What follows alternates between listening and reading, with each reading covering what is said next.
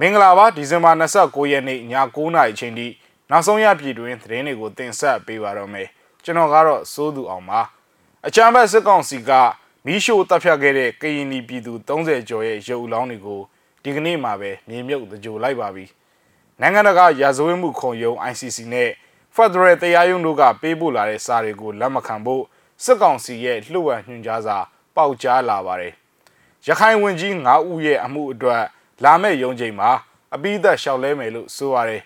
မြန်မာနိုင်ငံမှာမျိုးပြစင်ရဲမွဲတင်မှုသုံးစားမြင့်တက်ဖို့ရှိတယ်လို့ UNDP ကတတိပေးလိုက်ပါတယ်ဒီအကြောင်းတွေပါဝင်တဲ့နောက်ဆုံးရပြည်တွင်းနဲ့နိုင်ငံတကာသတင်းတွေကိုတင်ဆက်ပေးပါတော့မယ်အချမ်းဘတ်စစ်ကောင်စီတပ်သားတွေတပ်ဖြတ်ခဲ့တဲ့ကရင်ပြည်သူ30ကျော်ရဲ့အလောင်းတွေကိုဒီကနေ့ဒီဇင်ဘာ29ရက်နေ့မနက်ပိုင်းမှာမြေမြုပ်တကြိုခဲ့ကြောင်းတိုးသက်သောကရင်အင်အားစု PKPF ကဖော်ပြပါတယ်ဒီကနေ့မြုံနှံခဲ့တဲ့ပြည်သူ30ကျော်ထဲမှာစေတချီရန်ကဝန်ထမ်း2ယောက်လည်းပါဝင်ခဲ့ပြီးနေကြားဆောင်တပ်ဖွဲ့ဝင်4ယောက်ရဲ့ရုပ်အလောင်းတွေလည်းပါဝင်ခဲ့တယ်လို့ဒေသတွင်းသတင်းရင်းမြစ်တွေကဆိုပါတယ်ဖရူဆိုမြို့နယ်မိုးဆိုကျေးရွာနားမှာစစ်ကောင်စီတပ်တပ်မ66လောက်ခန့်တစ်တုံညာရှိတပ်ကဒီဇင်ဘာ24ရက်နေ့မှာဒေသခံပြည်သူ35ယောက်ကိုကျိုးရီတုပ်ပြီးမော်တော်ယာဉ်ဒီပေါ်မှာ အရှင်လက်လက်မီးရှို့တပ်ဖြတ်ခဲ့တာလည်းဖြစ်ပါတယ်။အဆိုပါရာဇဝတ်မှုနဲ့ပတ်သက်လို့ကမ္ဘာကူလာသမဂ္ဂအပါအဝင်နိုင်ငံတကာအတိုင်းဝိုင်းမှနေပြီးပြင်းပြင်းထန်ထန်ရှုံချခဲ့ပြီးတော့ပြည်တွင်းအင်အားစုတွေကလည်းအကြမ်းဖက်စစ်အုပ်စုကိုအရေးယူပေးဖို့တောင်းဆိုထားကြပါတယ်ခင်ဗျာ။နိုင်ငံတကာရာဇဝတ်မှုခုံရုံး ICC နဲ့အာဂျင်တီးနားနိုင်ငံဖက်ဒရယ်တရားရုံးတို့ကပေးပို့လာတဲ့အကြောင်းကြားစာဖန်စီမိတ်ဖန်ဝရန်တမန်စာတွေကိုလက်မခံဖို့ လှုပ်ဝက်ညွှန်ကြားစာပေါက်ကြားလို့လာပါတယ်အဆိုပါလှုပ်ဝက်ညွှန်ကြားစာမှာနိုင်ငံတော်စီမံအုပ်ချုပ်ရေးကောင်စီရုံးကရည်ညွှန်းပါစာဖြင့်ပြည်မှုဆိုင်ရာနိုင်ငံတကာခုံရုံး ICC နဲ့အာဂျင်တီးနားတရားရုံးတွေနဲ့တရားစွဲသူတွေထံကပေးပို့လာသည့်စာဖြစ်စေပြည်ပသွားလာခွင့်ကန့်သက်ခြင်းဆိုင်ရာဖန်ဆီးမိတ်ဖြစ်စေဖန်ဝရန်သို့မဟုတ်လာရောက်ရန်တမန်စာဖြစ်စေပြည်ပမှဝင်ရောက်လေရှိတဲ့ DHL အပါအဝင် အမြန်ချောဖို့နဲ့ တခြားနီလန်းတွေနဲ့ပေးပို့ထားတဲ့စာတွေကိုလက်ခံခြင်းမပြုပါရန်ဆိုပြီးပါရှိပါတယ်။ထိုညွန်ကြားစာကိုအာနာသိန်းစစ်ကောင်းဆောင်ဗိုလ်ချုပ်မူကြီးမင်းအောင်လှိုင်ရဲ့နိုင်ငံတော်စီမံအုပ်ချုပ်ရေးကောင်စီရုံးကညွှန်ကြားထားတာလည်းဖြစ်ပါတယ်။ထိုညွှန်ကြားချက်ကိုအစဉ်စဉ်ကြီးကြပ်ဆောင်ရွက်ရန်ပြည်တော်စုတရားသူကြီးချုပ်ဦးထွန်းထွန်းဦးကဒီဇင်ဘာ28ရက်နေ့နေ့စွဲနဲ့ဆက်လက်ညွှန်ကြားတဲ့လှုပ်ဝက်စာဟာဒီကနေ့ဒီဇင်ဘာ29ရက်မှာလူမှုကွန်ရက်စာမျက်နှာတွေပေါ်မှာ ပေါက်ကြားလာခဲ့တာလည်းဖြစ်ပါတယ်ခင်ဗျာရခိုင်ပြည်နယ်ဝန်ကြီးချုပ်ဦးညီပူအပါအဝင်ဝန်ကြီး၅ပါးကိုဆွဲဆိုထားတဲ့အဂတိလိုက်စားမှုဥပဒေပုံမှန်55အမှုအတွက်လာမယ့်ဇန်နဝါရီ12ရက်နေ့ရုံးချိန်မှာနှစ်ဖက်ရှိနေတွေကအပိသက်ရှောက်လဲချက်ကြားနာမှာဖြစ်ကြောင်းဦးညီဘူးဘက်ကနေအမှုလိုက်ပါဆောင်ရွက်ပေးနေသူရှေ့နေဦးအေးကျော်တန်းကမျက်စိမှကိုပြောပါတယ်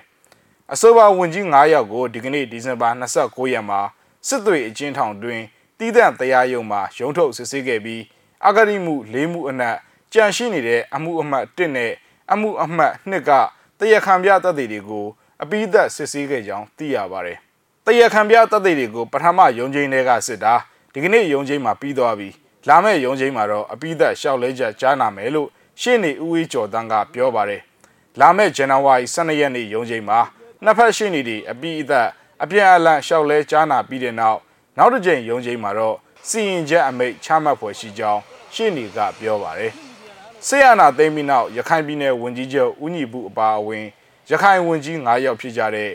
စီမံကိန်းနဲ့စီးပွားရေးဝန်ကြီးဦးကျော်အေးသိပြည်နယ်လျှက်စစ်ဝန်ကြီးဦးအောင်ကျော်စံနဲ့တစ်တော်နဲ့တထုဝန်ကြီးဦးကျော်လွင်စီပီဝန်ကြီးဟောင်းဦးမင်းအောင်တို့ကိုအဂတိလိုက်စားမှုတိုက်ဖျက်ရေးဥပဒေပုံမှန်55နဲ့ စစ်ကောင်စီကဖမ်းဆီးတရားစွဲဆိုထားတာလည်းဖြစ်ပါတယ်ခင်ဗျာ2022ခုနှစ်အစောပိုင်းမှာမြမလူဦးရေ55တန်းရဲ့ထက်ဝက်နီးပါး25တန်းဟာစင်ရဲမွဲတေမှုမြင်းအောင်မှာနေထိုင်ကြရလိမ့်မယ်လို့ကုလသမဂ္ဂဖွံ့ဖြိုးရေးအစီအစဉ် UNDP အရသိရပါတယ်။နိုင်ငံရဲ့စင်ရဲသားနှုံထားဟာ2005ခုနှစ်နောက်ပိုင်းမကြုံဖူးတဲ့အဆင့်မျိုးကိုရောက်ရှိနိုင်ပွဲရှိပြီးကပ်ပေးမတိုင်ခင် စီးပွားရေးဖွံ့ဖြိုးမှု15နှစ်တာကိုစင်စစ်အားဖြင့်ခြေဖြတ်ပြရလိမ့်မယ်လို့စမ်းစစ်ဆက်တစ်ချက်ကဆိုပါတယ်။ဝင်ငွေချို့ငဲ့ယုံမကအာဟာရချို့တဲ့ခြင်းကျမ်းမာရေးနဲ့ပညာရေးတို့အတွက်ပါတိတိတသားဘေးရန်နေရတဲ့အဖြစ်ရှုမြင်ရကြောင်းလာမဲ့မျိုးဆက်တွေအတွက်အနှုတ်သဘောတိုက်ရောက်မှုဖြစ်လိမ့်မယ်ဖြစ်ကြောင်းအဆိုပါစမ်းစစ်ချက်ကဆိုထားပါတယ်မြန်မာနိုင်ငံရဲ့မျိုးပြဆင်းရဲမွဲတေမှုနှုံဟာ COVID-19 ကပ်ဘေးနဲ့ ဖြစ်ပွားစေနိုင်ငံရေးမတည်ငြိမ်မှုတွေတပေါင်းနဲ့ချင်းချောက်မှုအောက်မှာသုံးဆမြင့်တက်လာမယ်လို့ထပ်လောင်းဖော်ပြပါတယ်2021ခုနှစ်မေလနဲ့ဇွန်လတို့မှာမြန်မာနိုင်ငံအနှံ့ကပါဝင်သူတွေရဲ့မဲစစ်တမ်းကောက်ယူချက်ဖြစ်တဲ့ UNDP ရဲ့စမ်းစစ်ချက်ဟာ2021ခုနှစ်ဖေဖော်ဝါရီလအတွင်းနိုင်ငံရေးအသွင်ကူးပြုံးခြင်းကစလို့အိမ်အောင်စုတွေရဲ့လူမှုစီးပွားရေးအခြေအနေတွေကိုတိုင်းတာတွက်ချက်ခဲ့တာဖြစ်ပါတယ်။ထိလေရှာလေအခြေအနေစီ မြန်မာနိုင်ငံဟာရုပ်ချီးဆင့်သက်နေတယ်လို့ UNDP ရဲ့အာရှနဲ့ပစိဖိတ်ဆိုင်ရာဒေသတွင်းဘျူရိုအမျိုးသမီးညွှန်ကြားရေးမှူးဖြစ်သူကစိုးရိမ်ဖွယ်သတိပေးပါတယ်။ဒီအတိုင်းသာဆင်းရဲမှုအတွင်းကျဆင်းတာဟာအလေအလတ်တန်းစားပျောက်ကွယ်သွားမယ်ဆိုတဲ့အတိတ်ပဲပဲဒီအချက်တဲကနေရုပ်ချီးရုံထွက်နိုင်ရင်ဟာလဲနမိတ်ဆိုးပြတော့တာပဲလို့သူကပြောပါတယ်။ကပ်ဘေးမတိုင်ခင်ကပင်ဆင်းရဲမှုတံကိုခံရပြီးဖြစ်ကဆေးအာနာသိမ်းမှုပါကြုံရတဲ့ ချင်းနဲ့ရခိုင်ကဲ့သို့သောပြည်နယ်တွေမှာဆင်းရဲမွဲတင်မှုနှုံဆက်လက်မြင့်မားနေရန်ရှိတယ်လို့လည်းရင်းစမ်းစင်ချက်အရသိရပါတယ်။ဒါပေမဲ့မန္တလေးနဲ့ရန်ကုန်ကဲ့သို့မြို့ကြီးတွေမှာတော့ဆင်းရဲမွဲတင်မှုပိုများလာမှာကိုမဟုတ်ပဲငကိုဆင်းရဲသူတွေကဆင်းရဲမွဲတင်မှုမြင်းအောင်မှာပို့ပြီးကြဆင်းလာဖို့ရှိတယ်လို့အခုစမ်းစစ်ချက်မှာဖော်ပြထားပါတယ်။အထက်ချုပ်ခီးသွွားရေးလုပ်ငန်းဟိုတယ်အချိုဝန်ဆောင်မှုနဲ့စောက်လုပ်ရေးကဏ္ဍတို့အပြင် အသေးစားနဲ့အလက်စားလုပ်ငန်းတွေဟာကပ်ဘေးနဲ့နိုင်ငံရေးကတောင်းကင်းအနေထားရဲ့ရိုက်ခတ်မှုကိုအဓိကကြုံထားရကြောင်းထောက်ပြခဲ့ပါတယ်ခင်ဗျာဆက်လက်ပြီးတော့နိုင်ငံတကာသတင်းတွေဘက်ကိုလည်းတွားရအောင်ပါကိုရိုနာဗိုင်းရပ်မျိုးကွဲသစ် Omicron ဟာအလွန်မြင့်မားတဲ့အန္တရာယ်ရှိနေစေဖြစ်ပြီးကျန်းမာရေးစောင့်ရှောက်မှုစနစ်တွေအပေါ်ဝင်ပြီးမှုကိုဖြစ်စေနိုင်တယ်လို့ကမ္ဘာ့ကျန်းမာရေးအဖွဲ့ WHO က ဒီဇင်ဘာ29ရက်နေ့မှာသတိပေးလိုက်ပါတယ်။အလွန်ကူးစက်မြန်တဲ့အဆိုပါ Omicron မျိုးကွဲကြောင့်ကမ္ဘာနိုင်ငံအများအပြားမှာလည်းစံချိန်တင်ဗိုင်းရပ်ကူးစက်မှုတွေကိုဖြစ်ပွားထားစေခဲ့ပါတယ်။ပြီးခဲ့တဲ့အပတ်ကကမ္ဘာတဝန်းကိုရိုနာဗိုင်းရပ်ကူးစက်ခံရသူအရေအတွက်ဟာ17ရာခိုင်နှုန်းတိုးတက်ခဲ့ပြီးတရုတ်ကနေစပြီးဂျာမနီနဲ့ပြင်သစ်တို့အထိအပါအဝင် နိုင်ငံတွေရဲ့အစိုးရတွေအနေနဲ့စီးပွားရေးတွေနဲ့လူမှုအဖွဲ့အစည်းတွေအတွက်ဆက်လက်ဖွင့်ထားဖို့လိုအပ်မှုနဲ့ ဗိုင်းရပ်သားစီရေးကန့်သက်ပိတ်ပင်ချက်တွေကြားခက်ခဲတဲ့မျှခြေတစ်ခုကိုမဖြစ်မနေရှာခဲ့ကြရပါတယ်။နယ်သာလန်နဲ့ဆွစ်ဇာလန်တို့မှာအိုမီခရွန်ဟာအဓိကလွှမ်းမိုးရာမျိုးကွဲဖြစ်လာခဲ့ပြီဖြစ်ကြောင်းအဆိုပါနိုင်ငံတွေကပြောခဲ့ပါတယ်။အိုမီခရွန်ဟာမပြင်းထန်တဲ့ COVID-19 ရောဂါကိုဖြစ်စေနိုင်တယ်လို့လေးလာချက်တချို့မှာဆိုထားပေမဲ့ WHO ကတော့ရင်းနဲ့ပတ်သက်လို့အထူးသတိပေးထားဆဲဖြစ်ပါတယ်။စိုးရိမ်စရာမျိုးကွဲသစ် Omicron နဲ့ပတ်သက်လို့ ရေဘူးရအန္တရာယ်ကတော့အင်မတန်မြင့်မားဆဲဖြစ်တယ်လို့ကုလကျန်းမာရေးအေဂျင်စီက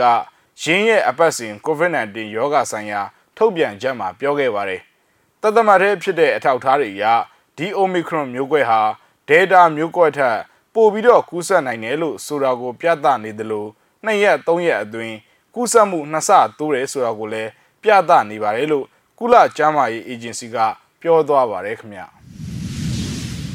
မြစည်းမရဲ့သတင်းအစီအစဉ်ကိုဒီမှာခဏရင်နာကြပါတယ်ကြည့်ရှုခဲ့ကြတဲ့မိဘပြည်သူသူချင်းစီကိုကျေးဇူးအထူးပဲတင်ရှိပါတယ်ကျွန်တော်တို့သတင်းနဲ့အတူတူပြန်ဆောင်ကြပါဦးမယ်